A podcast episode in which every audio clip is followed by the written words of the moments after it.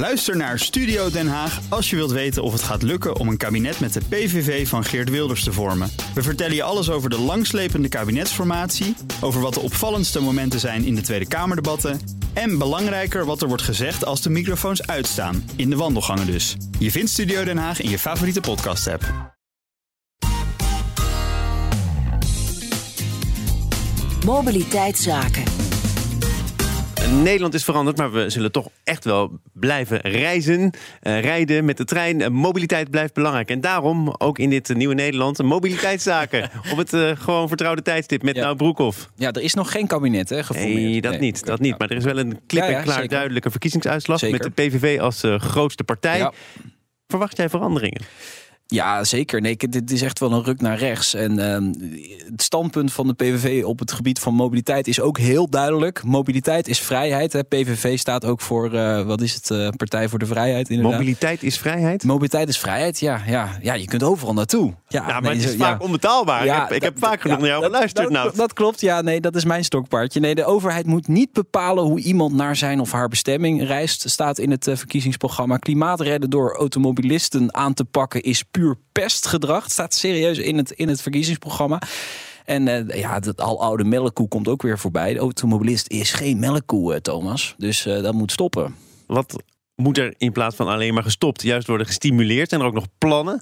Ja, er staan best wel wat plannen. Eh, Ik heb even een selectie gemaakt. En ik, ik ging vanochtend natuurlijk meteen even kijken. Wat, wat wilden ze ook alweer? Eh, een paar maanden geleden toen het verkiezingsprogramma kwam... had ik daar al naar gekeken. Maar ik was het eerlijk gezegd alweer vergeten. Ik had niet verwacht dat de PVV zo groot zou worden... en dat we het hier in de mobiliteitszaken weer over zouden gaan hebben. Maar bijvoorbeeld een paar punten. Eh, meer wegen aanleggen. De accijns op brandstof moet fors omlaag. Geen verbod op verbrandingsmotoren. Dat is wel afgesproken in Europa, maar zij willen dat dus niet. Eh, de maximumsnelheid, niet naar 130. Nee, hoppakee, in één keer door naar 140. Alle milieuzones moeten geschrapt worden. Terwijl nu eh 30 à 40 gemeenten juist die milieuzones aan het optuigen zijn. Eh, ze willen ruim baan voor Schiphol. Het is allemaal wel Meer duidelijk, Ja. Nout. Ja, Eh, ik ja. hoef niet te vragen van wat bedoel je precies. nee, nee, het is wel klare taal. Daar heb je wel gelijk in, ja. Ja, ja eh, de vraag is dan, zijn dit plannen waar je andere partijen op kunt vinden? En dat, dat wordt toch wel heel lastig, hoor. En dan heb ik het puur over mobiliteit. Hè. Dus eh, de VVD en de NSC zijn wel voorstander van meer wegen. In ieder geval de projecten die zijn aangekondigd... en die nu stil liggen vanwege de stikstofbesluit... om die af te maken.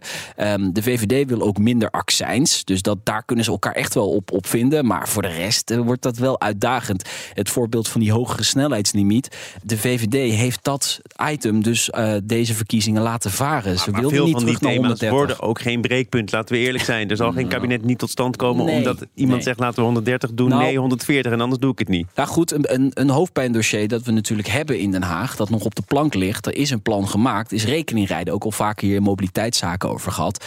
De PVV Betalen wil naar gebruik, hè? betalen naar gebruik. Ja, sorry. Ja, sorry. ja, nee, heel goed van je. Eh, rekening rijden. PVV wil het absoluut niet. En ehm, ik was eh, de afgelopen week voor het eh, BNR Autodebat aan het kijken in alle verkiezingsprogramma's. Steeds meer partijen die tegen dat rekeningrijden zijn. NSC is tegen, BBB is tegen, ook op twee mogelijke coalitiepartners. En het mooie is, de VVD staat er dus wel voor open voor dat betalen naar gebruik, rekeningrijden.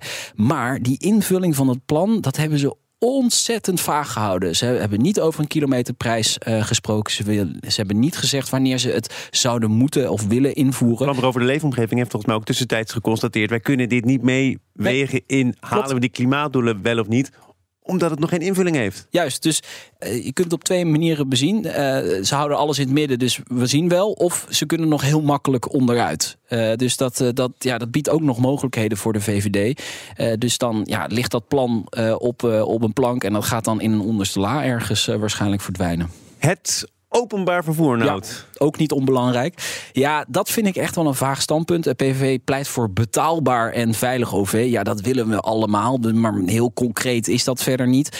Maar ook dat thema, ik heb dus al die verkiezingsprogramma's doorgenomen, leeft wel bij alle partijen. En dan gaat het vooral om lagere tarieven. Dus eh, Er is dat ook is, over geknokt in de Tweede Kamer Ja, natuurlijk. Hè? ja. De NS heeft volgens mij voor volgend jaar gezegd... we houden de tarieven gelijk. daar, daar is al. En we doen geen toezegging over 2025 en later. Daar hebben we het laatst al in- inderdaad een keer over gehad. Gehad. Er is al best wat geld uitgetrokken, honderden miljoenen, om het OV volgend jaar in ieder geval betaalbaar te houden. Maar wat daarna gebeurt, dat is echt wel een opgave voor het, eh, het nieuwe kabinet hoor. De opgaves van dat nieuwe kabinet. Als ik het jou vraag, en dat doe ik op dit moment. Ja, zeker. Waar moet werk van gemaakt worden? Nou, ik was dus afgelopen vrijdag bij dat BNR Autodebat. En daar waren ook heel veel ondernemers. En wat ik echt hoor in die mobiliteitssector is helder beleid. Geen yo-yo gedoe meer. Um, dus die sector wil echt wel verduurzamen. Maar uh, de ene keer dit, de andere keer dat. Dat werkt gewoon niet. Ze willen gewoon duidelijk beleid voor de komende nou, uh, 5, 10 à 20 jaar. Als jij zegt bijvoorbeeld die milieuzones. Ja. Waarvan de PVV zegt, uh, streep het door. Ja. Gaan we niet doen. Terwijl ze op dit moment worden opgetuigd. Ja. Dan zou dat yo-yo-beleid zijn. Of zou dat nou typisch yo-yo-beleid zijn waarvan veel ondernemers zouden zeggen: ach, het komt niet zo verkeerd uit. Uh, dat zou kunnen, maar ja, er moet wel iets gebeuren op klimaatgebied. Hè? Anders uh, hebben we daar weer een probleem. Dus de grootste partij schijnt dat niet zo'n belangrijk thema te vinden. Dat ben ik met je eens. Dat kunnen we wel constateren. Maar ja, deze verkiezingsuitslag maakt het allemaal niet gemakkelijker. Want we zijn juist echt met heel veel dingen gas aangeven. Uh, waar niet iedereen blij mee is. Hè? Dus um, er komt een formatie aan. De nieuwe plannen laten dan ook nog wat langer op zich wachten. Dus eigenlijk hoe langer dit gaat duren, hoe onzekerder het juist wordt voor veel ondernemers. Dus daar maak ik me wel een beetje zorgen over. Nout Broekhoff van BNR Mobility, dankjewel. Tot volgende week. Graag gedaan.